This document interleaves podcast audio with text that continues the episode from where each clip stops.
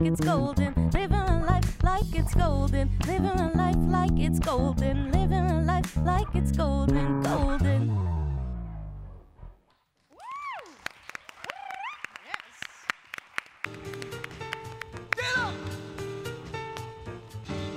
Welkom bij Late Night Talks met jouw host Fatima Warsama.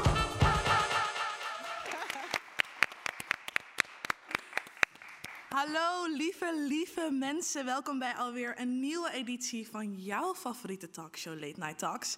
Er is de afgelopen periode ontzettend veel gebeurd. Maar het meest aangrijpende nieuws dat ik niet kon loslaten gaat om de toeslagenaffaire. Deze week werd namelijk bekend dat tussen 2015 en 2020 ruim duizend kinderen van gedupeerde ouders in de toeslagenaffaire uit huis geplaatst zijn. Het Centraal Bureau voor Statistiek onderzocht dat in opdracht van het ministerie van Justitie en Veiligheid. Het CBS keek niet naar de rol die de toeslagenaffaire heeft gehad bij de uit huis geplaatste mensen. Maar deze kinderen komen wel uit gezinnen die bekend zijn in het toeslagendossier. Verschrikkelijk nieuws dat meer vragen oproept. Want hoe heeft dit kunnen gebeuren? Welk effect heeft de toeslagenaffaire nog meer gehad op kinderen en uit huis geplaatste uh, gezinnen, uh, behalve armoede, kansongelijkheid en dus uit huisplaatsingen? En wat gaat er nu met die kinderen gebeuren? Het geeft ook een inkijkje, volgens mij, in hoe groot het effect kan zijn van institutioneel racisme binnen de maatschappelijke organisaties waar veel van ons afhankelijk van zijn. Hoewel het verband tussen de toeslagenaffaire en de uithuisplaatsingen nog niet één op één bewezen is, geeft het wel een angstig gevoel dat de omvang van het effect van de affaire nog lang niet in beeld is. De NOS probeerde premier Rutte die cruciale vragen te stellen. Hij probeerde er onderuit te komen, maar het is toch niet gelukt. Laten we even kijken. Dan een ander onderzoek wat u wel kent. 1100 kinderen die uh, uit huis zijn geplaatst. Ik ben hier in Brussel. Ja, u bent hier in Brussel. Uh, daar hebben die 1100 kinderen uh, geen boodschap aan. Dus het is de eerste keer dat er een Nederlands bewindspersoon op kan reageren. Dus wat dat betreft geef ik u de eer. Wat is er volgens u een relatie tussen de toeslagenaffaire en de uiteindelijke uithuisplaatsing? Wat doet het kabinet op dit moment om dat te onderzoeken? En wat doet het kabinet op dit moment om de getroffen gezinnen, ouders, kinderen tegemoet te komen? Het is natuurlijk een ernstig bericht. Sowieso is natuurlijk het hele dossier van de kinderopvang toeslagaffaire is verschrikkelijk. Uh, van A tot Z, daar is geen discussie over. Het raakt heel veel mensen, heel persoonlijk. Het raakt heel Nederland. Dit is ook weer nieuws wat deze week naar buiten is gekomen. Dat zijn we heel precies aan het uitzoeken. De Nederlandse regering zal ook snel een brief erover aan de Kamer sturen. Met hoe wij daarmee verder gaan. Dus ik wil het daar echt bij laten. Even heel precies uitzoeken hoe zit dit. Ja, en minister Dekker voor uh, rechtsbescherming heeft gisteren in een brief aan de Kamer laten weten dat het werkelijke aantal van de uit huis geplaatste mensen uh, nog hoger kan liggen. Dus dat het wellicht om nog meer dan die duizend kinderen gaat. Wij houden hier dit verhaal heel erg goed in de gaten bij Late Night Talks en komen er zeker nog op terug. Dan even iets heel anders. Ik wil jullie meenemen naar een, jonge Fatima. Hierboven zie je volgens mij een foto van mij. Um, bij de allereerste Late Night Talkshow in een klein zaaltje in het centrum van Amsterdam. Het heette toen nog de Alcabilan Show. Uh, wat uh, ja, bij deze eerste soort van zeer intieme, mooie, beetje ongemakkelijke, maar ook wel hele grappige aflevering zaten Quincy Gario en Tovik Dibi dus aan tafel bij mij. En dit was 16 november 2015. Een jaar later hadden we onze eerste festival in Tolhuistuin onder de naam The Citizens of Alcabelan. Zie je een beetje een, een aftermovie. Uh, onze zelfbedachte safe space voor mensen die nog altijd buiten de norm vallen. De liefde van de bezoekers op die dag was echt enorm. En voor mij toch wel een van de mooiste herinneringen die ik heb samen met mijn team. Maar waarom vertel ik jullie dit? Want aanstaande 12 november 2021, ruim zes jaar later, is mijn laatste show als hostess van Late Night Talks. Ik ga dus stoppen. We zijn inmiddels heel veel verder gekomen dan dat ene zaaltje in 2015 en ook gegroeid als team en als programma. Nieuwe naam ook, weet je wel. Uh, maar dat komt dus door talloze brainstorms, mensen die ons hebben geholpen met het vormgeven van de show op allerlei soorten manieren en de onuitputtelijke energie van ons team, waaronder Rudy, Noël, Luca, Kalkudan, Nathan. Nou, ik kan nog uh, twintig namen uh, opnoemen die allemaal energie achter de schermen in de show hebben gestoken. Maar daar komt dus een einde aan, althans uh, voor mij. Na zes jaar is het tijd voor iets nieuws. Wat precies weet ik nog niet, maar het is tijd om rust te nemen, na te denken, van een afstandje alles te bekijken. Geen zorgen, de show gaat wel door. In welke vorm dan ook. En ik sluit mijn bijzondere tijd hier bij Late Night Talks eh, af met een bombastische eindshow over een paar weken.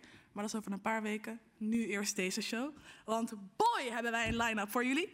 Ik praat met eh Janette eh Shedda, Daryl, ehm, Ricardo Landburg over het woord discriminatie en hoe dat wordt gebruikt in eh, het debat rondom de coronapas. En met Lotte van Eyck, Anouk Allemand en Edward Boyer over vetfobie in de fashion-industrie.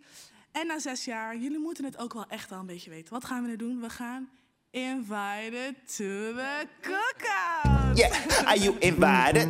Are you invited to my cookout? Or not, or not, or not. Welkom, alle drie. Thank you. Oh, lekker gewoon afgezet. thanks. Ja.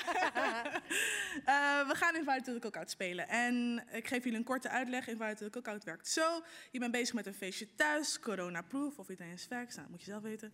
Eh, maar wie van de volgende mensen nodig je uit? Ik geef jullie een gastenlijst. En op de eerste plek van de gastenlijst staat Dave Chappelle. Laten we even kijken. Comedian Dave Chappelle zorgt voor enige ophef met de release van zijn nieuwe Netflix comedy special The Closer. Hij maakte onder andere grappen over cancel culture en trans mensen. In het verleden heeft Chappelle mensen uit de LGBTQ gemeenschap boos gemaakt met zijn comedy en dit gebeurde weer. Maar Netflix heeft duidelijk gemaakt dat ze hem steunen. Ja, Netflix heeft duidelijk gemaakt dat ze hem steunen. Edward, jij zegt al poe. Ik, Zijn Invited to jouw cookout? ah, ik vind het echt... Ja. Ehm, ja. Ehm, Oké, kijk, weet je waarom het sowieso echt zo moeilijk voor mij is nu eigenlijk? Omdat ik heb het niet echt meegekregen allemaal, wat hij heeft gezegd en hoe en wat. Daarom eigenlijk. Maar ik hoorde dus nu net van, hij maakte grapjes over. L LHBTQI Ja. gemeenschap. Oké. En kan je het misschien, hoe, hoe, deed hij dat? Wat, wat zei hij? Nou, hij maakte, hij maakte vanwege deze nieuwe Netflix-comedy The Closer... maakte hij de grappen over cancel culture en trans mensen. Dat is de reden waarom mensen boos zijn. Omdat hij ja, best wel ja, een grapjescomedy... Mensen hebben het gevoel dat ze kunnen zeggen wat ze willen. En sommige Oh, mensen zijn ervoor, sommige mensen zijn er tegen. In ho- hoeverre is het te ver gaan en wat is eigenlijk een grap? Misschien even vragen aan jou, Anouk. Hoe zie jij dat? Nee, it's a hard no for me. Ja, Ja. vertel. Nee, ja, ik voel dat gewoon echt niet. Ik bedoel, ja, oké, er zit wel best wel een dunne lijn inderdaad in comedy. Maar ik vind dat, nee, ik ga daar echt gewoon niet lekker op. Grapjes ten koste van anderen zijn geen grapjes. Nee, Nee. ik hou daar niet van. Nee. En ik snap het ook vaak niet. Ik vind hem niet grappig. Sorry, there I said it. Dus Oh ik, nee, ik kijk daar niet naar. En ik, ik voel me er gewoon niet een soort van eh, eh, fijn bij. En ik, ik- nee. Dus voor mij is het echt een harde nee. Ja. Lotte, ligt het aan wie het dan ook zegt? Wie de grapjes maakt? Nou, ik denk als een trans ehm, comedian een grap maakt over trans mensen, dat het al heel anders is. Mhm. Als een cis-persoon over eh, trans mensen grappen gaat maken, ja, dat gaat nergens over. En zeker met de huidige staat en de veiligheid van trans mensen, die er gewoon niet is, Mhm. is dit gewoon verschrikkelijk dat hij mensen het idee geeft dat het oké is om die grappen te maken. Terwijl dat gewoon microagressies voor zeg maar op straat of whatever. Als iemand een grapje erover maakt, is dat gewoon agressie naar transpersonen en maakt het gewoon nog onveiliger dan dat het al is. Dus wat vak ben je aan het doen? Weet je, we zijn allemaal zo bezig om die inclusie en weet je wel, iedereen mee te kunnen nemen en één te worden. En hij denkt gewoon, weet je wat? Nee. Nee. En dat slaat nergens op. En dat dan zo'n grote organisatie als Netflix dan zegt, we staan achter hem. Ja, wat vind je daarvan? Ja, verschrikkelijk. Ik heb laatst nog een klus gehad bij Netflix. Nou, ik wilde bijna zeggen van, had, uh, cancel het allemaal maar. Ja, terwijl ze zo... En dat was voor sex education. En daar zijn ze zeg maar heel erg bezig juist met... Hè, wel die inclusie en open praten over heel veel dingen. En dan is het gewoon zo raar dat dit gewoon daar recht tegenover staat. Weet je wel? Terwijl ik denk, als Netflix kan je juist zo'n statement maken... door te zeggen van, nee, we cancelen alles. We halen zijn shows weg en we staan niet achter hem. Ja. En dan denk ik van, ja, waarom dan wel? Voor geld? Voor, weet je, waar gaat Ja, het, is, over? het is eh, voor mijn gevoel echt een eeuwenoude discussie. In comedy, wat mag je wel zeggen, Ja. wat mag je dan niet Ja. zeggen? En maak het uit wie het zegt, oh, maak het uit wie het, weet je wel? Of, of iemand zegt die er bij groep, bij de, hoort, bij de groep hoort en wie niet. Hoe kijk jij daar tegenaan, eh, Edward? Ja, het, eh, ehm, is het grappig? Ja, nee toch? Dus Ja, het letterlijk. is gewoon niet grappig, Ja. toch? Ja, en ik heb ook altijd een beetje zoiets met, of net als met mensen grappen maken over dikke mensen, denk ik, ben je echt zo niet intelligent dat Ja, je alleen maar grappen kan maken over dikke mensen, snap je wat ik bedoel? Ja. En dat is hetzelfde met grappen maken over trans mensen, like why? Ja. Kan je niks anders verzinnen? Ja. Weet je, ga zoveel andere dingen. dan of zo, weet je, over worteltaart, ja weet ik veel. Ik denk van, het, dat ben je gewoon echt Nee, ja, dat vind ik echt zo oppervlakkige mensen. Als je Ja. alleen maar over gemarginaliseerde groepen grappen kan maken. Maar Want het is het ook is zo makkelijk. makkelijk. zo. Ja, dat is het. Het dat is denk makkelijk. van- Old news, oké, next. Weet je, verzin Ja. wat anders. Dat is het vooral. Het is easy. Wees creatief. Ja. ja toch? Nou, ik heb een eh, creatieve tweede persoon voor jullie eh, op de gastenlijst. En dat is Delay Willemstein. Miss World Nederland, Delay Willemstein, weigert Nederland te vertegenwoordigen op de Miss World verkiezingen in Puerto Rico.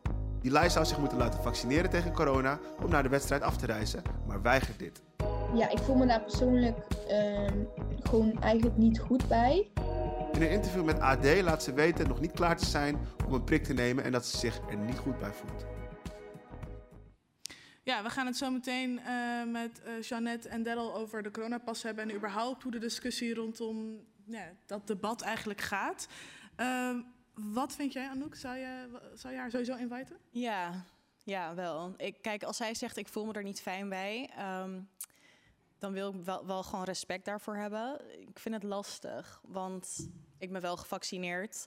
Ehm, maar dat zij zeg maar aan, ja, ze heeft zeg maar wel wat, wat, wat redenen opgegeven waarom ze zich er nog niet bij fijn voelt.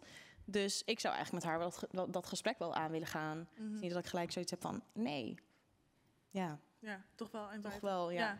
En Edward, los van Delay, want zij, dit is haar specifieke situatie, maar ze staat ook eigenlijk wel symbool voor heel veel mensen die het gewoon eigenlijk niet weten en toch wel geforceerd worden soms om gevaccineerd te worden, eh, omdat ze niet meer kunnen uitvoeren wat ze willen doen. Hoe kijk jij er tegenaan? Ehm, ja, ik bedoel, het is gewoon haar eigen keuze, toch? En ik hoef, ik hoef er... Ze is gewoon invited sowieso, die lie. En eh, ik hoef er niet eens een gesprek over. Ze kan gewoon komen eten en klaar. We hoeven er niet eens over te praten. Het is gewoon haar keuze. Ja. Ze zegt, ik ben er nog niet klaar voor. Dat is toch duidelijk? Ja. Maar Ja, zou je wel me. willen dat ze zich test? Moet ze wel zeg maar de QR-code laten zien aan je?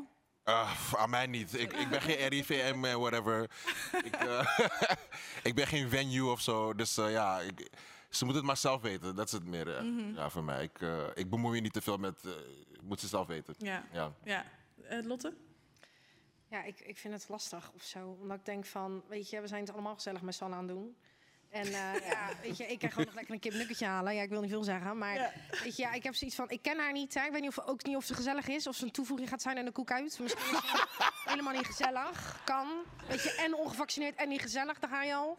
Ehm, nee, maar weet je, ja, meisje mag komen. Ja, Weet je, wel in de hoek blijven zitten. hè. Niemand aanraken. weet je, kip wordt naar je toe gerold. Maar nee, ja, prima. Nou, gelukkig invited. No worries, Delay. Eh de volgende en de laatste is de Bali. Lastig om de hele Bali te uit- uitnodigen voor je cookout, maar laten we toch even kijken. KIRAC, ook wel Kirak, is een productie dat door studenten van Gerrit Rietveld Academie is opgericht en op 27 oktober bij het Cultureel Centrum De Bali in Amsterdam in gesprek zal gaan over hun nieuwe kunstproject Honeypot. Mensen zijn boos op de Bali omdat zij hiermee een podium bieden aan een organisatie die mensen die seksueel overschrijdend gedrag vertonen verdedigen, verheerlijken en neerzetten als slachtoffer van cancel culture. Ja, dit is een lastige. Ik weet niet of jullie dit allemaal hebben meegekregen, een beetje. Heb je het niet meegekregen? Nee. Oké. Ja, ik heb het wel een beetje meegekregen, ja. Oké, ehm, misschien kan ik dan bij jou beginnen. Wat, wat, wat- kan je de situatie in jouw woorden uitleggen en wat jij eh, daarvan vindt? Ehm, ja, eh, ik zou ze niet uitnodigen.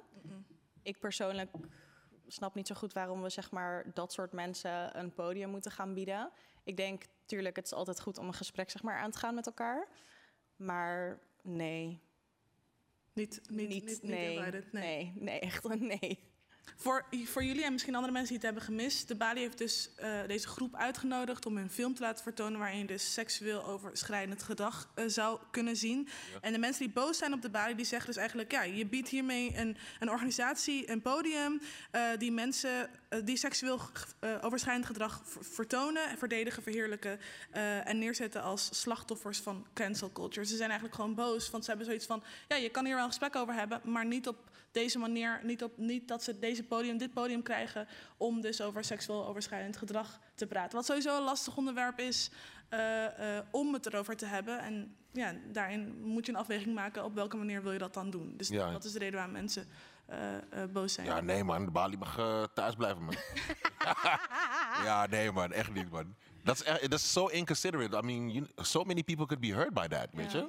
Denk even gewoon dieper na, Ik vraag me dus af, Lotte, ook eh, hoe, op welke manier zou je een, een gesprek kunnen hebben over seksueel over, overschrijdend gedrag en dat wel bijvoorbeeld bij een balie kunnen doen. Want wat hebben ze nou? Ze hebben een film gemaakt waarin ze dat laten zien. Want ik Ja, het is een kunstproject. En waarin ze dat inderdaad laten zien. eh, seksueel overschrijdend gedrag. En that's What- it. What's the message? Ja, like wat? We should ask them. En misschien moeten we ze wel inviten. Ja, ik vind dat gewoon raar, wel man. ook nog in een hoekje en dan... Ja, nee, ja, ik denk sowieso als het over seksueel geweld gaat en overschrijdend gedrag, moet dat denk ik heel persoonlijk en Mhm. klein en Ja, ja. privé en fijn. En ik denk dan een film erover maakt niet echt eh, de, de manier is of zo. Nee. En zeker niet zo, nee. nee, maar ze hadden toch ook mensen erbij uitgenodigd? Was dat niet ook een beetje het dingetje van dat ze bepaalde mensen erbij hadden uitgenodigd die gecanceld zijn? Mhm. Ja, ja, precies. Oh. Ja, Ja, dus Ja, dat mensen- was ook inderdaad Ja. een beetje het ding. Voor erbij. seksueel overschrijdend gedrag.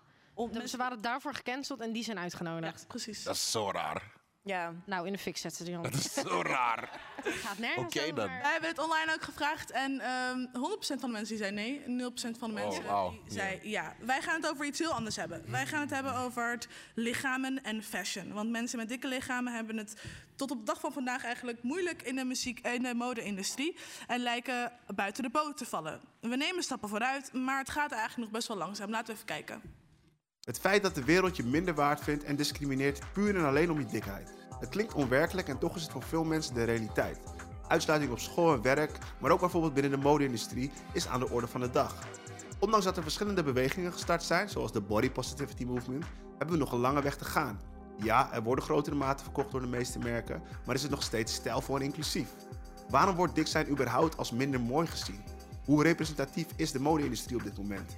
We praten hierover met stylist Edward Boyer, digitale contentmaker Anouk, ook wel bekend als Panda Express op Instagram, en model Lotte van Eyck.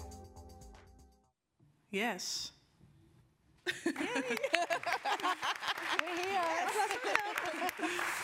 Eh, Lotte, ik begin met jou. Want jij bent eigenlijk al je hele leven bezig met dit onderwerp. Of je het nou wilde of niet eigenlijk. Ja. Eh, maar wanneer ben je op een positieve manier aan de slag gegaan met eh, ja, body positivity en dik zijn? En, Nou, er ging een zielig verhaal aan vooraf, eerlijk gezegd. Wil je die horen of niet? ja. Oké. Ehm, ja, omdat weer positief, ja, dat is niet heel gezellig. Maar eh, nee, ik was eigenlijk eh, in mijn gezin. Eh, mijn vader was dik en mijn moeder is dun. En mijn zusje is dun en ik ben dik. Dus zeg maar, zo is dat soort van hou- verhouding. Familie van mijn vader, allemaal dikke mensen. Familie van mijn moeder, allemaal dunne mensen. Ehm, en mijn oma, dus de moeder van mijn vader, hebben we het allemaal nog. Die ehm, was dus ook dik. En zij was dus de enige ehm, dikke, eh, feminine persoon in mijn leven... waarmee ik mij kon identificeren op dat moment. Dus ik ging met haar altijd de strijd aan tegen de kilo's. En oh, hoeveel waren we al afgevallen, weet je. Nou, bla, bla, bla, bla. En ehm, toen op een gegeven moment ehm, eh, was ze 65 en had ze een hartaanval gekregen. En toen moest ze heel snel terugkomen naar het ziekenhuis... want eh, de longen zaten vol met embolieën. Nou, dat was schijnbaar niet zo. Dat was uiteindelijk dus kanker. En toen zat het door heel de lijf heen. En toen was het van, ga maar genieten van je familie. Ga naar huis en zit het uit. Nou, toen na een maand was ze weg. Maar zij was echt mijn grote voorbeeld. Zij was mijn rots in de branding, weet je wel. Ik deed alles met haar. Ehm, en toen... eh, ehm, nou, was het dus van, ga maar uitzoek, uitzieken thuis. Maar ja, morfine, kanker, niet echt gezellig. En toen eh, werd ze dus heel dun van. Of nou ja, voor haar doen, laat ik het zo zeggen. En toen zei ze dus aan het eind van... Nou, gelukkig ben ik toch nog dun geworden. ja, terwijl ze dood aan het gaan was. En toen dacht ik echt van... Hè? Ik dacht, jij hebt letterlijk... Mijn oma dronk niet, ze rookte niet, ze... Ze, ze, ze at nooit een toastie. Ze, eh, weet je, niet eens in zo'n tata-kring een stukje kaas. Weet je, de, kon, er niet eens vanaf. Weet je, het was gewoon altijd maar lijnen, lijnen, lijnen, lijnen. En altijd maar kleiner worden, kleiner worden, kleiner. En toen dacht ik, jij bent nu 65 geworden. Je bent doodgegaan aan een ziekte die wij allemaal hier kunnen krijgen. Maakt niet uit wie je bent. Ik had echt zoiets van, waar heb jij dit voor gedaan? Als ik, nu, als ik aan haar had gevraagd, ben jij gelukkig geweest dat ze nee gezegd? Weet je wel? En toen dacht ik van, waar doe ik dit voor? Ik ben alleen maar klein en klein aan het worden. Voor wie? Ik kan alles. Ik, ik, ik, ik, kan, kon, ik kan en kon letterlijk alles. Dus ik dacht, waar doe ik dit voor? Maar toen was ik 15. Ja, woon je nog thuis? Weet je, je hebt gewoon ouders die regels op je leggen en dat soort dingen. Maar toen was wel, ging in mijn hoofd echt de knop om van, nee, dit ga ik niet doen. En eh, ik, ga, ja, ik ga echt anders leven dan dat mijn oma gedaan heeft, want dit gaat echt nergens over. Nou, 15 en toen eh, was ik denk ik 16 of 17 toen Tess Holiday eh eh, gesigned werd als model. Nee, dat- is een, ja, een dikke... Ja, de bekendste plus-size model eigenlijk over heel de wereld. Ehm, ik, vind, ik vind er nu helemaal niks meer, maar goed, dat is nu. Ja, Ja, ra- racistische kut, joh. Oh, Ja, oh, oh. ja. Jammer, jammer. We don't fuck with that. Ehm, maar, eh, maar toen was zij echt... Ik dacht van, wow, zij kan dit. Zij is super dik, maar zij is ook super mooi. En zij doet al deze super gave dingen. En ik kan dit ook, dacht ik. Ik dacht, als zij het kan, kan ik het ook. Nou, en toen begon eigenlijk mijn weg van... Van, oh ja, ik mag eigenlijk wel... Ik mag mezelf heel mooi vinden, want ik ben ook heel mooi. Dus let's go with that. En toen eh, ben ik fotografie gaan studeren. En toen ben ik eigenlijk met de camera een soort eh, romans begonnen met mijn lijf. Om een soort van door ander soort ogen naar mezelf te kijken. Want soms is het heel moeilijk om met je eigen ogen naar Mm. jezelf te kijken. Ja. En die camera werd voor mij een soort van eh, mijn liefhebbende partner. Die mij fotografeerde op een manier van... ik hou zoveel van jou, je bent zo mooi. Weet je, hoe zou iemand die zo over mij denkt naar mij kijken? En zo ging ik dus uiteindelijk ook naar mezelf kijken. En zo is dat dus eh, ja, bij mij gebeurd. nice. Ja, thank you. Wauw, ja. Echt een journey, ja, inderdaad. Ja, dat was echt een reis. Ja, ja. En nu post je ook heel veel motiverende... Je post jezelf. Je post die foto's waar je het over hebt gehad. Die eh, ja, naaktfoto's, mooie foto's. Al, eigenlijk in alle vormen waarop je dat eigenlijk zelf wilt. Eh, maar je post ook motiverende video's. Laten we wel even naar eentje kijken. Oh jee. Meiden! We zijn weer terug. En ik heb gehoord dat jij zit te ouwe hoeren. Zit je nou te ouwe hoeren? Je zit te twijfelen of je wel leuk genoeg bent om mee te daten. Wat is de voor rare vraag? Kijk nou even naar je eigen. Naar je kunnen en je zijn. Je bent toch hartstikke gaaf? Het is geen sudoku puzzel, hè schat? Zo moeilijk is het niet. En iedereen die dat niet inziet, daar is de deur. Daar is de deur. Even helemaal partijtje bon voyage. Partijtje bon voyage. Klaar? Nee. Heb je niks aan. Heb je geen tijd voor? Geen energie voor? Nee. Pas niet in je schema. Heb ik gezien. Klaar. Weet je wat jij moet doen? Lekker verkering met je eigen nemen. Ja? Bosje bloemen halen. Hè? Een bosse bol erin knallen. Gewoon lekker doen. Je eigen verwennen. Die grootste liefde komt, schat. Maak je niet druk. Maar eerst jij. Oké? Klaar. Wauw. Echt een nice man. ik vind het echt... Oh.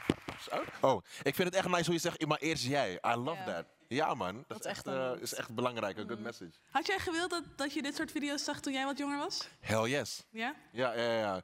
Ehm, ja, ik weet niet man. Dit is gewoon... It's not, ja, ik weet niet. Het is gewoon not normal of zo. Like, en het is gewoon zo die zelfverzekerdheid en just talking about loving yourself. Gewoon, that's just nice. Ja, want Ja. jij bent stylist. Jij bent eigenlijk sinds kort eh, aan de slag gegaan met het onderwerp geloof ik. Eh, waarbij je toch wel een soort van naar buiten draagt hoe je, hoe je jezelf voelt in je eigen lichaam. En hoe je naar jezelf kijkt en hoe die blik van jezelf ook is veranderd op een positieve manier. Kan je daar wat meer over vertellen? Oh, wauw. Even kijken. Ik moet je eerlijk zeggen, ik weet niet eens hoe het is begonnen of zo.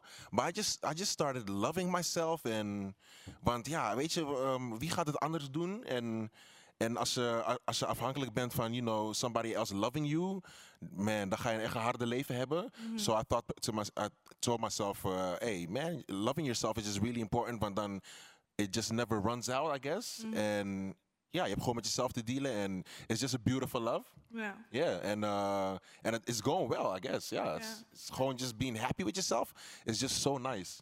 Yeah. Ik bedoel, er zijn, je had net over Tess Holiday. Zo kan jij misschien ook nog wel een aantal vrouwelijke plus-size models eh, eh, opnoemen of modellen. Eh, maar als ik denk aan mannen, dikke mannen, of dikke mannen in de fashion, dan, dan eigenlijk kan ik er geen enkele opnoemen, behalve jij dan nu. Maar hoe, ja, hoe zie je de representatie, hoe kijk je naar de representatie op die manier? Hmm. Ik moet eerlijk zeggen, ik ben wel echt een van de weinige big guys. Waarvan ik weet van, oké, I'm, you know, zelfverzekerd en gewoon wat groter en uh, and actually talking about it and whatever. Bij de mannen zie ik het niet zo, uh, zoveel, moet ik eerlijk zeggen. Ik zie het meer bij de vrouwen. I don't know why.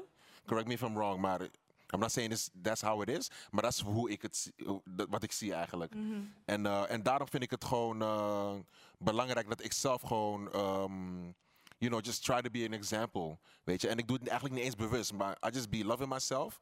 En ik weet dat eh, er me- eh, mannen zijn die gewoon dik zijn, Mhm. die ook gewoon naar mij kijken, weet je. Mhm. Als ik bijvoorbeeld zoiets post, you know, eh, ik weet dat er heel veel jongens zullen zijn van, hé, hey, hij is wel dik. Of ik had deze gepost en iemand zei van, oh, je zou er echt goed uitzien als je ging gymmen of zo. Nee, chubby Oké, dudes but, but he- matter. but- Hallo. Ja, echt. But he corrected himself. Hij zei, hey, weet je wat? Sorry dat ik dat zei. Ja. Heeft hij zijn comment verwijderd. En toen zei hij, you look good. En toen dacht ik, oh, that's nice, weet je. Ja. En veel, veel jongens denken altijd van, oh, hij moet naar de gym en dan zie je er goed uit. Maar I, I feel so great looking like this. Mm. Weet je, en ik vind het echt grappig dat... Ja, ik vind het, ik vind het echt grappig dat eh, vooral mannen dan, weet je, van de vrouw krijg ik al, always love. I don't know what it is, but women love chubby guys, I guess. en, eh, maar altijd mannen die moeten zeggen, oh, hey, als je zou trainen zou je echt groter zijn en dit en dat. Maar bro, I'm already big and I'm, I'm, I'm already so beautiful, so, you know, I don't need it, weet je. En dat is gewoon wat ik probeer te leven. I don't even really maybe it's wrong, weird to say. Maar ik praat er niet, eigenlijk niet eens zoveel over. I just try to show it, you know? By just being myself and I'm just so happy in me. And yeah, I just look good. I know it, you know? Energy. Ja, echt energie. Ik kijk even naar jou, Anouk, want jij bent al een hele tijd ook bezig met dit onderwerp. Ja, klopt. Eh, met curvy zijn, met de perfecte broek vinden. Wanneer Ja. ben jij met het onderwerp aan de slag gegaan? Ehm, het begon eigenlijk bij mij met een rant die ik op Instagram gooide van... verdorie, waarom is het zo moeilijk als je dikke billen hebt en dikke benen... om gewoon een mooie broek te vinden? En ik kreeg daar zoveel reacties op. En zoveel meiden zaten echt van, ja, heer, heer, dit is gewoon vreselijk. Toen dacht ik, ja, hier moet ik echt wat mee gaan doen. En toen ben ik gewoon ehm, broeken gaan bestellen. Mijn eerste hol was volgens mij bij de eh, Fashion Nova. Ehm, want die hebben eigenlijk wonderbaarlijk genoeg wel echt best wel grote maten. En zeg maar veel modellen ook op hun website Ja. die eh, eh, grote maten dragen. Dus dan kan je het ook beter zien. En dat werd eigenlijk heel goed ontvangen. En toen dacht ik, ja, hier ga ik eigenlijk echt mee door. En toen ben ik verschillende merken gaan, eh, gaan passen en bestellen en doen. Dus Ja, hier zien we het al zodoende. een beetje. Maar Ja. waarom is het zo moeilijk om een goede plus-size broek te vinden in Nederland? Echt, dat is een hele goede vraag. ik, ehm, ja, omdat we nog steeds worden gediscrimineerd. Wij, wij zeg maar fat people. Ehm, dus dat is, eh, ja, ik weet ook eigenlijk echt niet waarom het, waarom het nog steeds niet inclusief is. En ehm, waarom je eigenlijk nog steeds heel erg veel maten 36 tot en met 40 hebt. Maar vanaf 42 wordt het heel erg moeilijk om Ja. zeg maar goede broeken te vinden. En het zijn er ook echt aanzienlijk minder. Je hebt altijd stapels met 6, eh, 36, 38. En van de 44 plus zijn er altijd maar één of twee of Ja. uitverkocht. Dus ja, het is gewoon... Zo irritant. ja, het is gewoon echt ja, Ja. uit te sluiten letterlijk. En kijk je dan ook altijd naar het buitenland als je broeken shopt?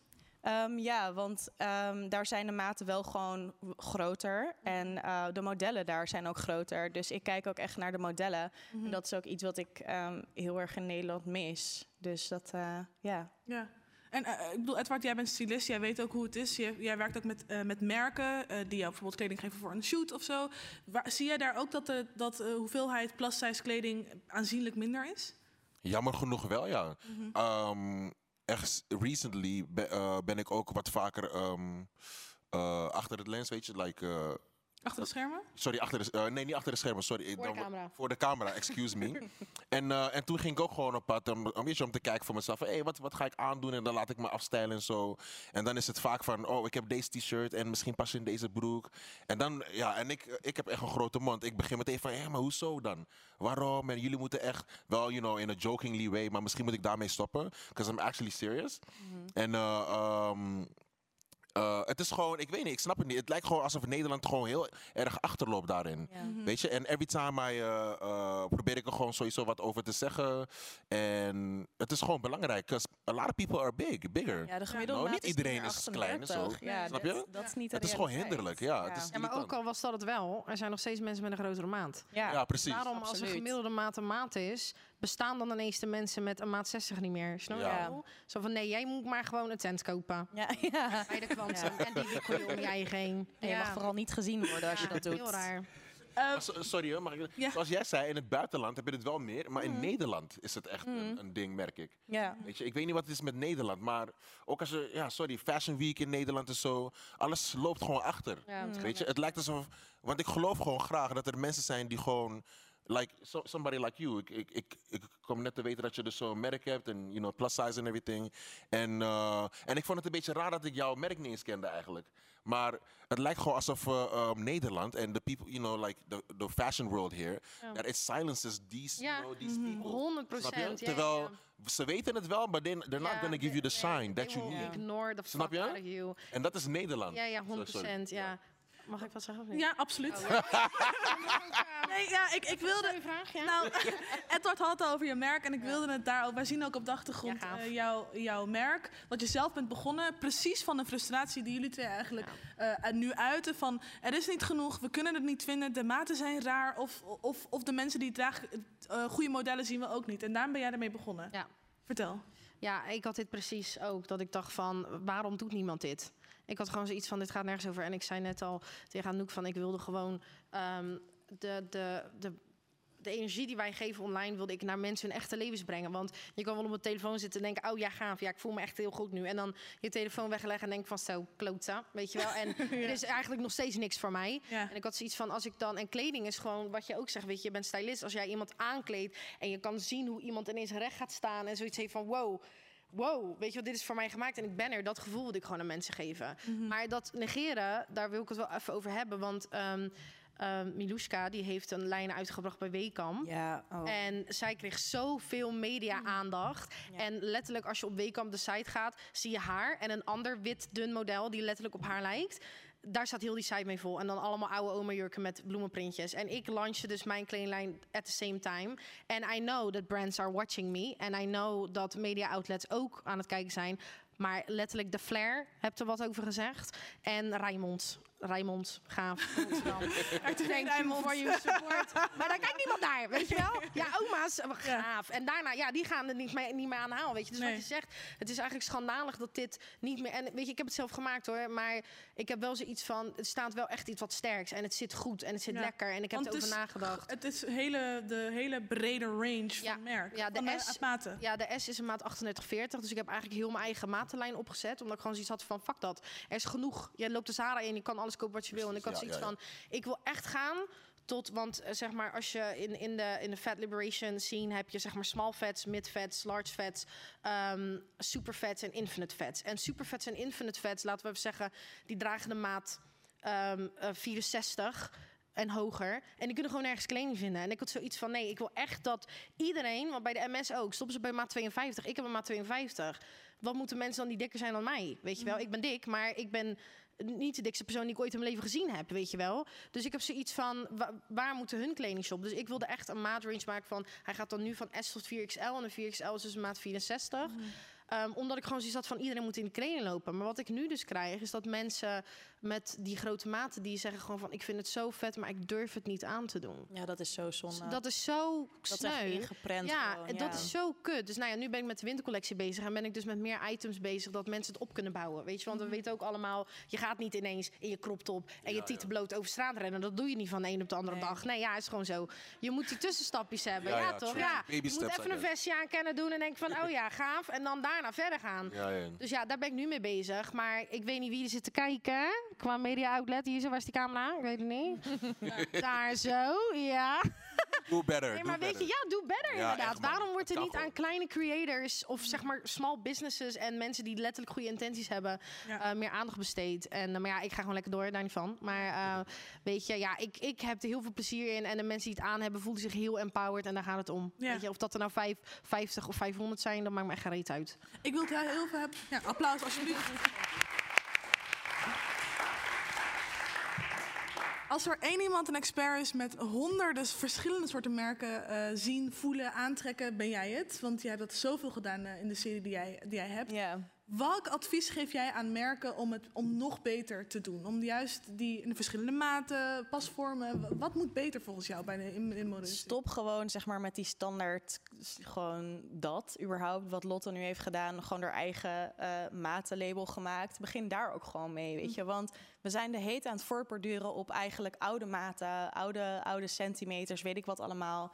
Daar moet er gewoon totaal, totaal eh, naar gekeken worden en, en dat moet veranderd worden. Want het is, het is niet meer van nu. Het is Ja. gewoon niet meer van nu. You don't relate. Het is, Nee. het is gewoon zo raar, vind ik. Het is super oudbollig allemaal, dus dat is denk ik echt de eerste stap. Dus Ja. de maten moeten echt anders. En ook misschien die zichtbaarheid waar je het over Ja, hebt. Als je ja. echt die modellen ziet op de website. Precies. En het moet niet meer zijn van, look, we used a fat model. Where's my golden star? Oké, Ja. Ja. good. Het moet gewoon zijn, er zijn gewoon dikke modellen en klaar. Het Ja, moet niet precies. meer zo gehighlight Ja, worden. geen freakshow. Nee. Oh, kijk. Ja, Ja, ja, ja. Ah, daar heb je er eentje tussen zitten. Ja. Oké, Ja. nu hebben we het goed gedaan. De tijd gaat zo snel. Maar ik wil het nog over het, eh, eh, één ding hebben. Een goed voorbeeld van een merk die het eigenlijk eh, best wel goed doet. Dat is van Rihanna, Savage X Fenty. Die heeft... ehm, We gaan er toch even naar kijken. so sorry, maar doe het. Ja, is goed. Fendi on my body, but my feet is in Bottega. Bitch, I'm getting money, it's a fuck about a hater. It's a whole lot of money in this motherfucker. Dat is echt tof. Ja, het is geweldig. Ja, ja, nee. 100% voorop. Maar ga door, ja. Nou ja, eh, vertel. Nee, eh, wat Rihanna doet en haar eh, ja, eigenlijk fashion showcases, zeg maar.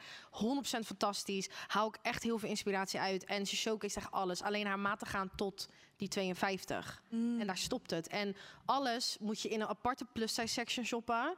Het zijn hele saaie designs die ze heeft. En zeg maar voor de eh, dunne mensen heeft ze dan allemaal weird ass shit en fucking vet. En dan ga je naar de plus size en dan is het zo van, oh, doe dit doorschijnende jurkje aan. Ja, ja, ja, en is- klaar, weet je wel. Dus zeg maar, she's doing it, maar ze gaat niet over die rand heen waarvan ik zoiets heb van, ga nou...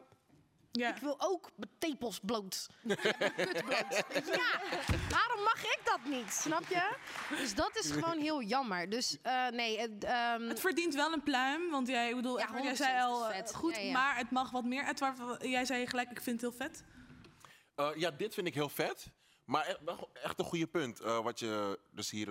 eh, dat je emphasizing. Want eh, ik merk het ook. Dan, dan heb je bijvoorbeeld eh, ehm, de grotere maat en dan is het heel saai. Ja. Snap je? En dan denk ik, oké, zo je neemt wel een stapje, maar je dipt even je teentje erin en dan, Ja. en dan ga je weer terug. Snap je? Dat, is, dat vind ik zo jammer. Het is weer 50 Ja, shades. Ja, dat is Gewoon weer gewoon. dat is gewoon heel jammer. Herfstkleuren, that's it. Ja. Ja, weet je, het, het kan gewoon, het kan nog gekker. Just go for it, weet je. Ja. Waar zijn, you know, just uh, have the courage to do it. Ja, ga echt. gewoon. Doe het of doe het niet. Ja, en dat is. En, en haar, eh, die, die, ja, die shows zijn echt alles hoor. Ik kijk ze vijf keer per week het liefst. Eerlijk, maar het is gewoon jammer dat het dan net niet. Het wordt nog steeds zeg maar apart en nog steeds niet. Je mag niet veel. je moet toch Ja, dim down. het is alsnog van. down. Nee, jullie moeten hier. Ja, ja, En de rest mag daar. Weet je wel? En dat is gewoon jammer. Ja. En eh, kijk even naar jou, Anouk, want eh, zoals ik al zei, veel ervaring met heel verschillende merken. Eh, wat is een merk wat het wel heel erg goed doet voor, volgens jou? Ehm, wat ik heb zeg maar aangeprobeerd. Ja, toch wel Fashion Nova. ja. Ik heb wel één merk, Marina Rinaldi's is echt tof. Ik weet niet of je dat kent. Dat is Ik plus ken het size, eh, plus size women's eh, eh, clothing. En she's extra studs, feathers, everything. Super nice for plus size women. I love it. If Schrijven you're- jullie dit op? Ja, Ja, I'm ik, gonna ik, take zou dat note. eh, checken. Marina Rinaldi, she's really great. Mhm. Ja, ja, ja. Ehm, voordat we dit gesprek gaan afsluiten, want de tijd het gaat supersnel. Eh er is ook heel veel kritiek op de movement waar we het net allemaal over hebben gehad. Dat vrouwen wel dik mogen zijn, maar niet te dik. ehm, niet dik in je gezicht, een zandloperfiguur. Eh, hoe denk jij daarover? De dingen die bijvoorbeeld niet zo goed gaan eh, in de... Heel veel witte vrouwen zijn ook. Ja, het wordt wel echt gekaapt. Dat sowieso. Ehm, ik vind het ook best wel naar om te zien dat eh, zeg maar heel veel dames, eh, weet je, een Lotta, maar ook een Mayra Louise of een Saskia, die hebben echt de, de, de way gepaved, zeg maar. Ehm, en daar gaan dan nu ehm, witte influencers mee aan de haal. Bijvoorbeeld een Vivian Horn, echt een prachtige meid. Ehm, en zij laat dan nu ook veel vaker de, eh de rollen zien. En dat ze gewoon, weet je, curvy is. Alleen, waarom repost zij bijvoorbeeld niet Lotte's merk? Hmm. Want dat zijn wel zeg maar de dames die voor jou een soort van plek hebben gecreëerd. Dat je zeg maar zo met open armen wordt onthaald. En it's all fabulous en mooi en prachtig. Maar als Lotte zo'n foto post of weet je, iemand anders, dan is dat gadverdamme. Eul, doe wat aan. Mm. Nee, dat, dat mag echt niet hoor. Dat, dat neemt veel ruimte in. Dus dat is wel echt iets wat eh, in mijn optiek wel heel erg mist. Zeg maar die support van, van elkaar gewoon. Voel jij die wel? Ja, maar wel ook wel beperkt in de zin van... er zijn echt veel dames die alsnog best wel stil zijn over elkaar. ik voel de support, maar het is best een kleine groep, vind ik eerlijk. Mhm, Ja. Eh, Lotte, jij zegt zelf ook op je Instagram: hire a black eh, POC person before you hire me. Want jij ziet ook, ja, ik ben wit, ik heb veel volgers. Ja. eh, maar het zijn mensen van kleur die de movement zijn gestart. Hoe, kan je dat uitleggen? Ja, nou ja, weet je, wa- wat Anouk ook al zei, het wordt gekaapt door witte, dunne vrouwen, laten we dat ook voor opstellen, ehm, die niks, weet je, het is niet door jullie gecreëerd, het is ook niet voor jullie gemaakt. Weet je, jullie zijn welkom, maar het is niet voor jullie gemaakt. En het is gemaakt door eh, vrouwen van kleur en door Joodse vrouwen. En die worden nu niet in de spotlight gezet, weet je wel. En hoezeer ik, eh Mayra, hoe, hoezeer ik veel eh, liefde voor haar heb, zij wordt wel voor alles gevraagd. Terwijl ik zoiets heb van ja, maar er zijn meer mensen en er zijn vrouwen zoals jou, waarvan ik vind dat ze een podium moeten hebben om te vertellen over jullie ervaring, weet je wel. En ehm, het, het, het komt, zeg maar, body positivity is iets wat eh, gekomen is uit overleving. Maar mensen moeten ook weten dat vetfobia voortgekomen is vanuit racisme. Dat racisme de slang is. En dat vetfobia iets is wat daaruit is gekomen. Omdat letterlijk witte mensen tegen mensen van kleur. Saatje Baartman is hier naartoe gebracht naar Europa. En in een kooi gezet. En daar hebben ze gewoon tegen gezegd, zij was plus size. En toen was het van, zo zien wij er niet uit. Ja, weet ja, je ja. wel? En daar is vetfobia uitgekomen. Letterlijk uit racisme van... eh, nou, wij witte mensen kunnen wel, hebben wel discipline, dus wij zijn dun. Mm. En dat moeten mensen begrijpen. Als jij hiermee aan de haal gaat, moet je weten wat de roots zijn van de beweging. En niet zomaar van, oh, ik hou zoveel van mezelf. Hashtag body Hashtag love life. Nee, dat is het niet, domme kut. Ja, sorry hoor, maar godverdomme. Oh, en dan, weet je, en dan denk ik... Weet je, Vivianne van Hoorn zal best wel een gaaf wijfje zijn. Maar dan denk ik, wat zit je nou te doen? Ja. Weet je, ze moet godverdomme zo gaan zitten. Ja. Dat er een vetrol komt en dan denk ik, gaaf, moet je doen. Maar ik heb zoiets van wat je zegt. Ik word verrot gescholden als ik zoiets post. Ja, en Saskia die dus wel inderdaad de hele tijd blijft herhalen, continu, Ja. waar de movement vandaan komt, wordt gelijk afgeschilderd als, oeh, ja, ik vond haar wel een beetje passive-aggressive Ja, eigenlijk hoor. precies, ja. En dan zit zij dan wel in een documentaire van Miljuska, maar dan is het wel, wordt ze neergezet als de schreeuwige, zeg maar, zwarte vrouw die dan Ja. weer vertelt waar de movement vandaan komt. En voor de rest zie je eigenlijk helemaal niemand aan het woord die zeg maar daar echt heel erg Nee, haar want dat is punt inderdaad over ook. maakt. Nee, want dat was met die Miluska, die kaapt het helemaal. Terwijl je denkt van wie ben jij? Dus Ja. weet je wel, wie, waar- waarom kom jij kijken? Waarom heb En ze jij krijgt een platform en een documentaire en een eigen en kledinglijn. een kledinglijn? Ja, dat je denkt van, maar dat is typisch Nederland dus. Ja, oh, wij kennen haar. En nou, dan laten we haar alles doen. Weet je, Ja, dat is het van, er zijn meer mensen. Waarom- jullie onder... We zijn, gaan alweer helemaal door de door de tijd door. Ik zou net beginnen, hè? Hey. Oh. Ik wil jullie ontzettend bedanken voor jullie tijd, voor jullie eh, opre- oprechtheid. En een applaus voor jullie, alsjeblieft. Yay, thank you.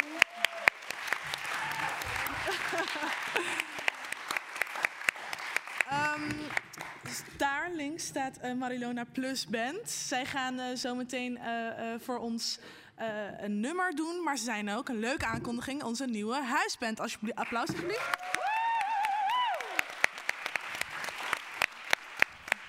Zo goed om jullie hier te hebben. Ik ga zo meteen een spel met jullie spelen. En het spel heet Invalid. Nee, het spel heet niet Invalid. het spel heet Song Association. Laten we even kijken. 무궁화 꽃이 피었습니다.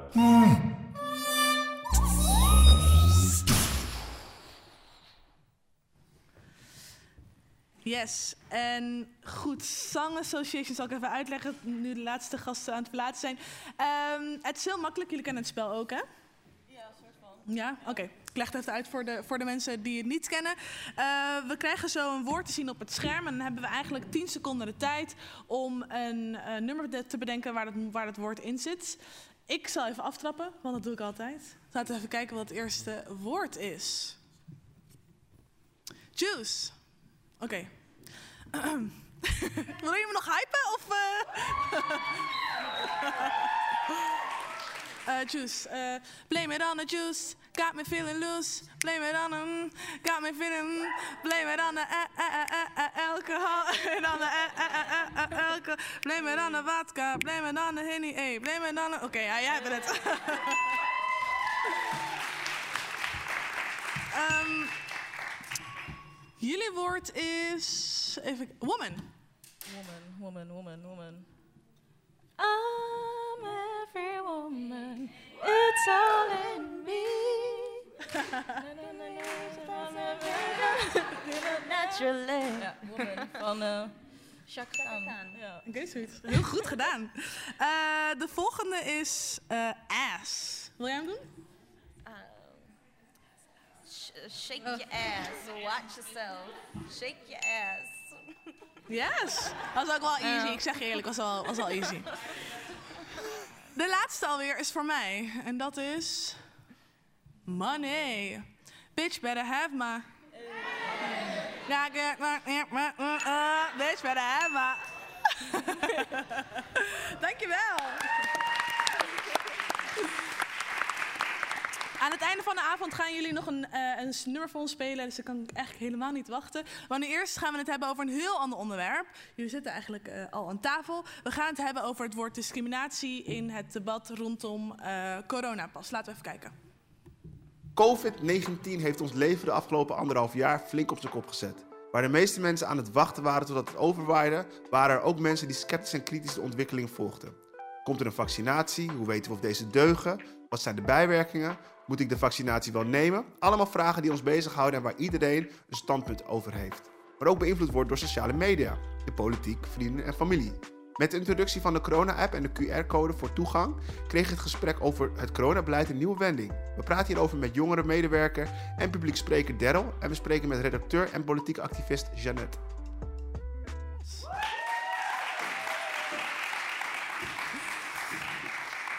Spontaan een drankje drinken, je mattie meenemen naar de Mac of gezellig naar de film met je nieuwe scharrel. Het kan allemaal niet meer zonder de coronapas. Wat eigenlijk gewoon een app is met een QR-code. COVID-19 heeft daarmee onze wereld geheel op kop gezet en het lijkt het begin van een nieuw tijdperk. Maar sommige mensen moeten daar nog aan wennen. En er is heel veel eh, eh, anti-Joods eh, geluid hebben we gezien. Want in Urk liep het heel erg uit de hand. Een groep van ongeveer tien jonge mannen gingen de straat op onder een mom van een coronaprotest in nazi-pakken en met een Davidster op de borst. En het was echt verschrikkelijk. Ehm, dit is een van de voorbeelden van waarop we hebben gezien van wat het gesprek is rondom eh, de coronaprotesten. Daryl, jij zet je ook in tegen discriminatie. Wa- wat doet het jou als jij dit soort beelden ziet?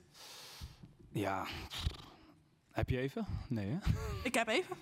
Nee, het, het, is, het is triest, het is sad. En eh, op het moment dat dit soort dingen gebeuren, het eerste wat ik als zwart persoon altijd, altijd denk is van welkom in onze wereld. Weet je? Mhm. Als in, wij hebben geen virus nodig als zwarte mensen om te weten hoe discriminatie of uitsluiting voelt. Mhm. Maar als je dan ook nog eens iets historisch gaat gebruiken, wat zo nasty en fucked up is geweest, en nog steeds een weerslag heeft in de samenleving, puur om een punt te maken omdat je lokale vreedschuur niet in kan of zo, ja, dan maak je me wel boos. Weet je, Mhm. ik heb heel veel Joodse, maar ook Roma en Sinti, vrienden, volkeren, en volkeren, et cetera. Gewoon kameraden, et cetera, die, die gewoon dan zich niet meer veilig voelen. Ja, dan heb je een probleem met mij, punt. Mhm. Ja, Ja. Dus dat vind ik zo leuk. Ja. Eh Jeannette, wanneer jij, dit, eh, wanneer jij dit soort beelden ziet, wat denk jij? Het enige wat ik eh, denk en ruik is privilege. Want ehm, ik denk altijd bij mezelf van... waar was je al die tijd toen wij eh, vorig jaar zomer... bijvoorbeeld met de Black Lives Matters demonstraties eh, de straat op gingen. Misschien is dat niet per se het goede voorbeeld, want dat was echt massaal. Maar ehm, een ander recent voorbeeld is misschien eh, woonprotest. Nu pas dat het de middenklasse raakt, gaan mensen ma- massaal de st- straat op. Dus dat is het eerste wat ik denk. Mhm. Dit is puur gemotiveerd vanuit privilege. Mensen worden, ja, dan gaan we al gelijk het, het volgende stapje nemen. Dit gaat voor mij niet over discriminatie, maar mensen worden geraakt in hun privilege. En daarom zijn ze boos. Ja, want het woord eh, dis- discriminatie, medisch discriminatie, hebben we ook heel veel horen vallen door allerlei eh, mensen. Apartheid, medische apartheid. Medische apartheid. Haal je je hoofd. Ja. Ehm, jij bent iemand die ook eh, met, met het onderwerp eh, dealt. Wat denk jij als mensen dat woord gebruiken? Ik vind dat echt een schoffering van alles wat er gebeurd is in de geschiedenis. En wat Daryl, wat Daryl net al zei, dat het nog steeds zijn weerslag heeft op bepaalde groepen vandaag de dag. Mhm. En als eh, mensen die eh, dat soort termen zo losjes gebruiken, eh, denk ik bij mezelf van, je hebt totaal geen zelfbewustzijn, geen historisch besef, dat je nu je mond open doet om deze situatie te vergelijken met medisch apartheid. Dat is echt een schoffering. Ja, want dat, dus je, je bent boos, je bent gekwetst. En wat wat is eigenlijk een andere term om hier mee om te gaan? Want ik, ik bedoel, ergens heb ik zoiets van... ze hebben het over dat ze nou ja, niet meer naar de plekken kunnen waar ze naartoe willen gaan. Dat ze worden geforceerd om eh, nou ja, bepaalde ingrepen, zoals ze het zelf noemen, eh, te doen. Wat is dan een beter woord dan medisch apartheid? Nou, ik weet niet of ik een beter woord heb, maar eh, je moet je wel even voorstellen dat, zeg maar, sinds die coronapandemie ehm, wij in dit land eh, van het kabinet, ehm, zeg maar, gecontroleerd het virus proberen rond te laten gaan, toch? Dat is hun eh, strategie geweest ten opzichte van indammen. En deze strategie die gekozen is, gaat dus ten koste van kwetsbare groepen, gewoon mensenlevens. Hè? En ehm, dus er zitten al sinds maart 2020 risicogroepen worden ehm, geadviseerd om thuis te blijven, zo min mogelijk mensen te zien. Eh, reguliere zorg kan niet doorgaan. Ehm, dus de risicogroepen worden geacht thuis te blijven. En nog steeds, hè, tot en met de dag van vandaag. En dan ehm, de coronapas. eh kijk, allereerst vooropgesteld: het is een hele persoonlijke keuze of jij je laat vaccineren of niet. Dat vooropgesteld. Maar het alternatief is dus als jij niet eh, gevaccineerd bent, dat kan omdat je het niet wil, dat kan omdat je bijvoorbeeld allergisch bent, dat kan omdat. eh, wat voor reden dan ook, dat je kiest om niet te vaccineren, oké, prima. Maar daartegenover staat dus dat je een test kunt doen. Want jullie hadden het eerder over Dila- Dilaya. Ja, ja. Ik zou haar niet uitnodigen. Waarom niet? Nou, weet je wat het eh, is? Als jij zeg maar een, eh, die koekout hebt en ehm, je laat Dilaira binnen zonder eh, dat zij gevaccineerd is, dat is het probleem niet zozeer. Maar als je haar ook nog eens niet binnenlaat omdat zij geen negatieve test kan laten zien, betekent het dat mensen die in de risicogroep vallen, over het algemeen disabled people, niet alleen disabled people, maar stel dat ik eh, risicogroep zou zijn, ik zou dan niet naar jouw feestje kunnen komen omdat het onveilig is voor mij. Mhm. Dus die coronapas. ehm, die beschermt. Die beschermt gedeeltelijk. Als het wordt ge- gehandhaafd. Ehm, of die coronatest. Maar in combinatie met zeg maar, al die maatregelen laten vallen.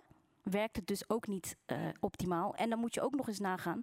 Wat ik om me heen hoor, is dat het helemaal niet gehandhaafd wordt. Nee, dat, dat, dat Dus het heeft heel veel hoken, eh, haken en ogen. Ja. Maar als jij niet controleert op die coronapas of die test, maak je het dus al eh, onveilig voor de risicogroepen die eigenlijk al bijna twee jaar binnen zitten. Ja. Oh, mijn button valt op de grond. Nou, laat, laat maar liggen. Ehm, we hebben dus even terug naar het woord discriminatie. Want eh, dat, dat- woord wordt veel gebruikt. Ja. Ook door mensen die zeggen, nou, het, het, is, het gaat toegankelijkheid tegen. Wij willen toegankelijk zijn. We voelen ons gediscrimineerd. We kunnen niet meer meedoen aan de samenleving. Eh, wat voel jij wanneer mensen deze, dit woord gebruiken? Het woord discriminatie. Ja. Ja, ik denk feitelijk, kijk, als je naar die coronapas kijkt, je kan tot een zekere hoogte zeggen dat er een onderscheid wordt gemaakt. Als ik nu naar een hele flashy, weet ik veel wat, kroeg wil, dan staan er een paar mensen moeilijk te doen met een telefoon, dan moet ik wat laten zien. Ja. Nu ben ik wel gevaccineerd, ik ben sociaal werker, jongerenwerker, ik kom bijna elke dag door de week minimaal met 50 onbekende mensen voor mij in aanraking. Dus ik vind ook dat ik naast vaccineren drie keer per week moet zelftesten. Dat vind ik een verantwoordelijkheid, omdat het niet alleen om mij gaat, maar ook om andere mensen. Maar op het moment dat mensen zeggen, ja, ik voel me gediscrimineerd, want ik wil iets niet, wat ze Mhm. net zegt, daar ga ik in mee. Want er wordt wel een onderscheid gemaakt. Maar er is een verschil in inderdaad de opties die er nog zijn om inderdaad nog mee te kunnen doen. Ja. In vergelijking met zwarte mensen die gewoon, als ze naar de club gaan, zonder virussen te horen krijgen van, yo, fuck aan met jullie. Ja. Vandaag zijn alleen vaste klanten hier welkom. Of Ja. ja, ja ehm, jullie eh, zijn met te veel. Of dit, dit is al vol binnen, zijn te veel mensen binnen. Dat soort shit.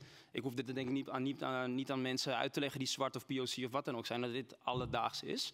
Dat is een groot verschil. Ik kan dit niet even uittrekken als ik naar de kroeg ga of wat dan ook. Mhm. Maar je kan er wel voor kiezen om te denken van, hé, hey, hoe kan ik in relatie tot andere mensen misschien iets meer zelf doen, Ja. zodat ik ook naar binnen kan. Ja. Dus het gesprek wordt ergens ook wel gekaapt daarin over natuurlijk. Er discriminatie. zijn witte mensen goed in in shit kapen, hebben we net gehoord ook. Dus, Ehm, jij hebt een eh, Instagram-post gedaan, eh Daryl. Volgens mij hebben we hem hier ook... eh, oh, echt? Oh ja. ja. Ik weet niet of we hem hier know. ergens hebben. Eh, m- maar daar zeg jij dat dus. Daar, daarin leg je dat ook uit. Kijk, hier zien we hem. Mm, ja. hier heb je best wel ja, duidelijk gezegd eh, wat jij daarvan vindt, wat je van de discussie. Kan je, kun je dit toelichten? Ja, ik zal hem niet voorlezen of zo, dat soort dingen. Maar dit is dus zo'n exemplarisch voorbeeld van witte cultuur. Mhm. Een Westerse cultuur is een gebrek aan cultuur. Dat vooropgesteld. Het is geen cultuur, het is een gebrek aan cultuur. Ze hebben andere dingen nodig om te kunnen floreren. Kijk maar naar kolonialisme en al die shit. Anyways, als je met zo'n logo komt, dat staat voor Black Lives Matter. Wij weten wat dat betekent. Als mensen zeggen Black Lives Matter, dan hebben we het niet, e- niet eens alleen over het merk of wat dan ook, maar over het idee dat zwarte mensen en of POC structureel, sociaal-economisch, politiek, cultureel worden achtergesteld. Elke dag Mhm. tot de dood aan toe.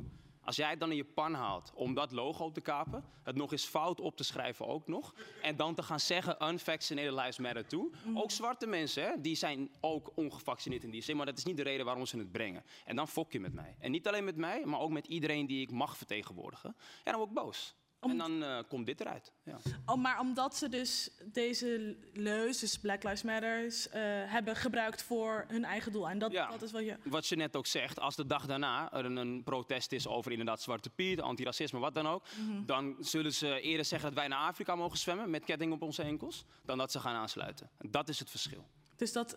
Kan je dat nog een keer uitleggen? Ja, ja, tuurlijk. Kijk, op het moment dat zulke bewegingen worden vaak gekaapt door nazi's extreemrechts. Daarom zie je ook die, die prinsenvlaggen, NSB, maar ook Jodenster, et cetera.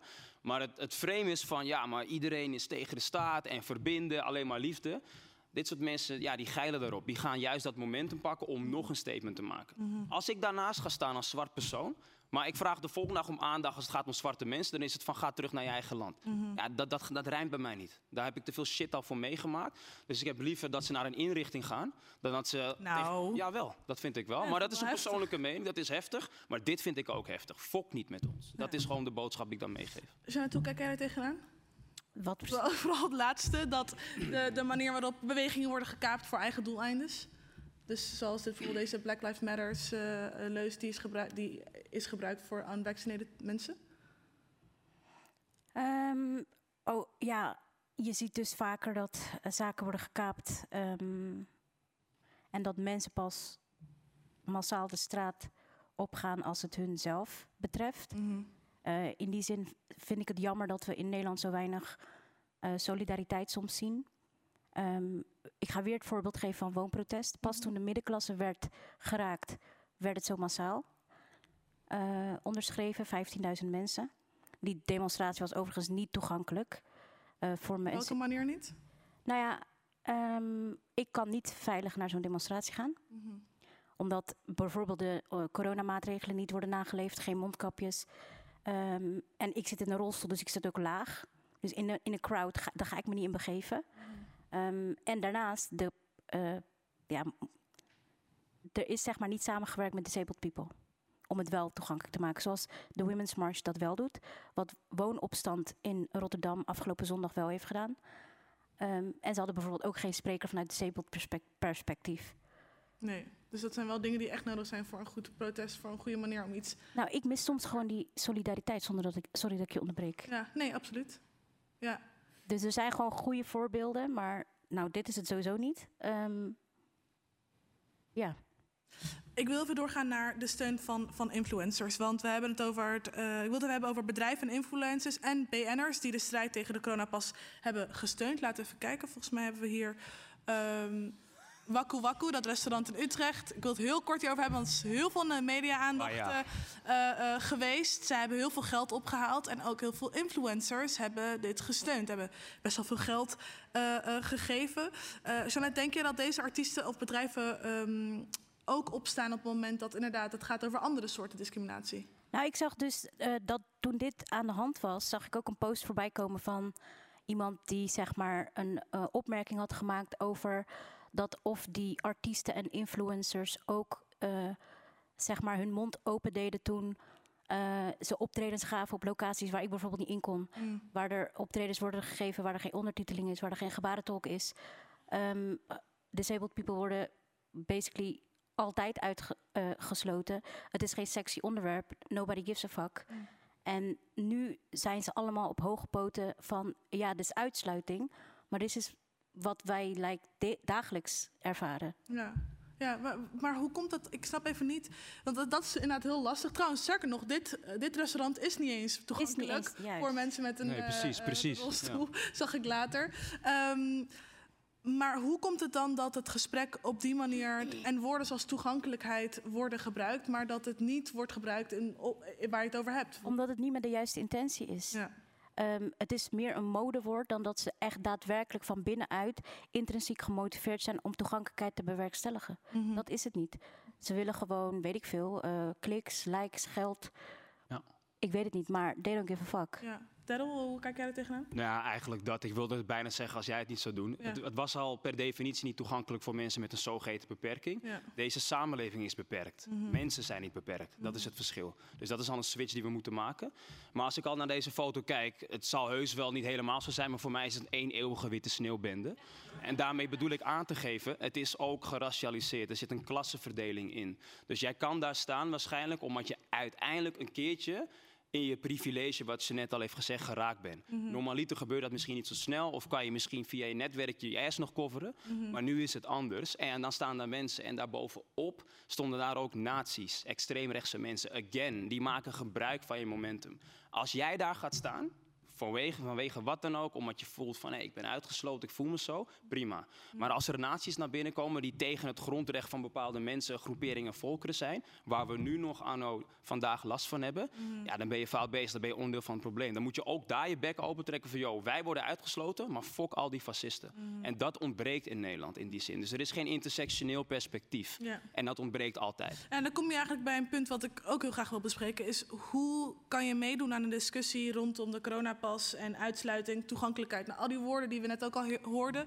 eh, zonder mee te doen aan eh, de bewegingen die het gesprek, die het gesprek ook kapen. Vooropgesteld zou ik de mensen in de, in de lead zetten die echt daadwerkelijk dat ook belichamen. En dat gebeurt dus niet. Ik durf te wedden dat bij het woonprotest er heel weinig mensen waren, ik vul het maar even in, die de belichaming, de beleving van Jeannette als mens beleven. Anders zorg je er wel voor dat het helemaal toegankelijk is. En hetzelfde voor dit soort protesten. Of het nou Unmute Us is, of dit soort kumbaya, weet je wel, dat soort dingen. Het gaat erom, de mensen met privileges, die maken dit soort protesten ook groot. En die letten dus ook niet op andere mensen. Want normaliter in het dagelijks leven hoeven ze dat ook niet te doen. Dus waarom zou je dat nu gaan doen? Mm. Dat is Nederland in een nutshell. En daar hebben wij, of mensen met zogeheten niet-privileges of gemarginaliseerde posities, die hebben daar last van. Ja. En dat hebben we niet alleen als, als corona hier is, want racisme is ook een virus, het seksisme is een virus, het patriarchaat is een virus, et cetera. Maar uiteindelijk hebben we, die, we hebben er last van, maar ze hebben ook de, de, ja, de verantwoordelijkheid om misschien ook wel juist zich. Ja, je moet best wel veel moed hebben om te zeggen van ja, eh, deze movement, ik wil niet aan meedoen, want allemaal rechtsextremisten doen, doen er aan mee. Ze hebben ook altijd de verantwoordelijkheid om dan zelf het gesprek eh, terug te kapen. Nou ja, En zeker. de last misschien ook wel. Ik denk als daar allemaal witte personen staan, volgens mij hebben die iets gemeen met heel veel naties. Die zijn ook wit, weet je. Dus je hebt eh, wat betreft culturele entiteit, als het gaat om fascisme, kan je echt wel levelen hoor. Want zij zullen die mensen niet snel eruit pakken die misschien intentioneel wel iets goeds willen doen. Als wij daar gaan staan, is de kans nog groter dat ze denken, wat de fuck doe jij hier? Mm. Of misschien nadat die demo klaar is, dat ze dan zeggen, hey, eh, hoe zit dat eigenlijk? Waar kom je vandaan? Dat is die dynamiek die Nederland gewoon nu zo problematisch maakt. Maar dit is niet nieuw, dit is al honderden jaren zo. Ik, de laatste vraag stel ik ook, eh, dezelfde vraag eh, ook aan jou, eh Jeannette. Van hoe kan je meedoen aan het gesprek rondom de, de coronapas en eh, ja, het uitgesloten voelen zonder mee te doen aan die rechtsextremisme?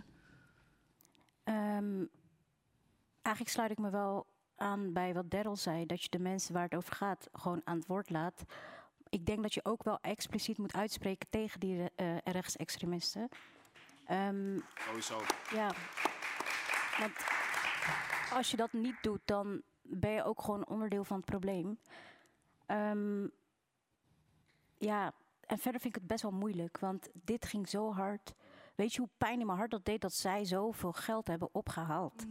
En mensen die bijvoorbeeld zorg nodig hebben of whatever, die schrapen euro's om die zorg voor elkaar te krijgen. Snap je? Om even een heel ander voorbeeld te geven. Dit, dit, dit was heel pijnlijk om te zien. Het is een verdienmodel, hè, dit. Wat een Jan Dino ook doet, et cetera. Van ik kan niet meedoen aan deze shit. En daarmee heel veel aandacht genereren van mensen die misschien je nooit zou zien staan. Weet je wat? Dat is ook, moeten we niet vergeten. Het is gewoon 220.000 euro. Het is, ik vraag me ook af wat fuck? Er zijn heel veel bedrijven en horecaondernemingen die hebben niks gezegd, maar die doen net zo hetzelfde als ze. Ja. Zij hebben expliciet de media opgezocht. Ja. En dan trek je dus die mensen ook en daarmee haal je ook geld binnen. Ja. Ik weet niet wat ze met dat geld gaan doen, maar ik denk niet. eh, nee. Maar het is ook eigenlijk wel Bahamas. best wel extra pijnlijk om te zien dat, zeg maar, als mensen dit dus steunen. Dus ik durfde bij sommige artiesten niet eens op hun Instagram of zo te kijken, omdat ik niet teleurgesteld wilde raken in deze artiesten, weet je wel. Maar het is pijnlijk om, zeg maar, dat soort grote eh, namen te zien, dit zien, te steunen. Dan denk ik van, hoe oppervlakkig ben je? Kun je niet verder kijken dan wat hier aan de hand is? Want mensen gaan gewoon mee in die hype. En dat is echt pijnlijk soms. Ik wil jullie beiden ontzettend bedanken voor jullie expertise en ervaringen eh, eh, rondom dit onderwerp. Het is alweer tijd voor de laatste act van onze avond.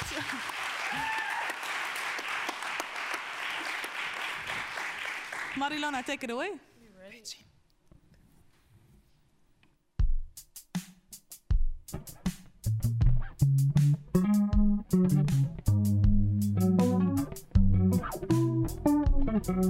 I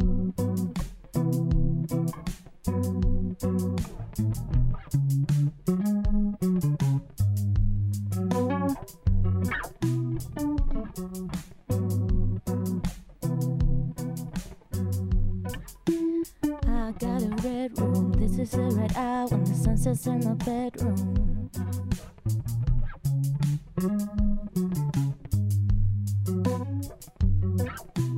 I got a red room. This is the red hour when the sun sets in my bedroom.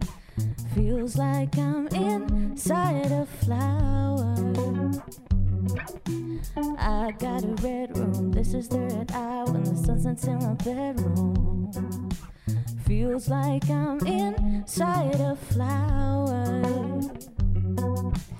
Feels like I'm inside my eyelids. And I don't wanna be,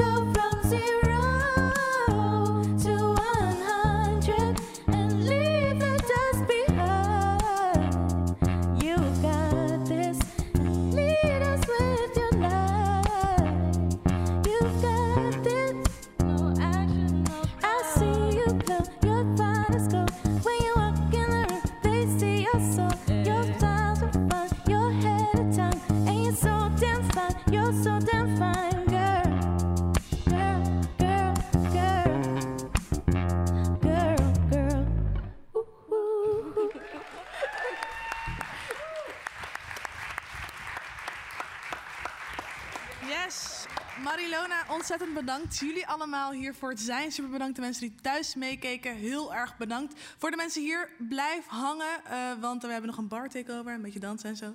Ehm, en ik zie jullie volgende maand voor de allerlaatste aflevering van Late Night Talks. Met mij. Tot snel, tot dan.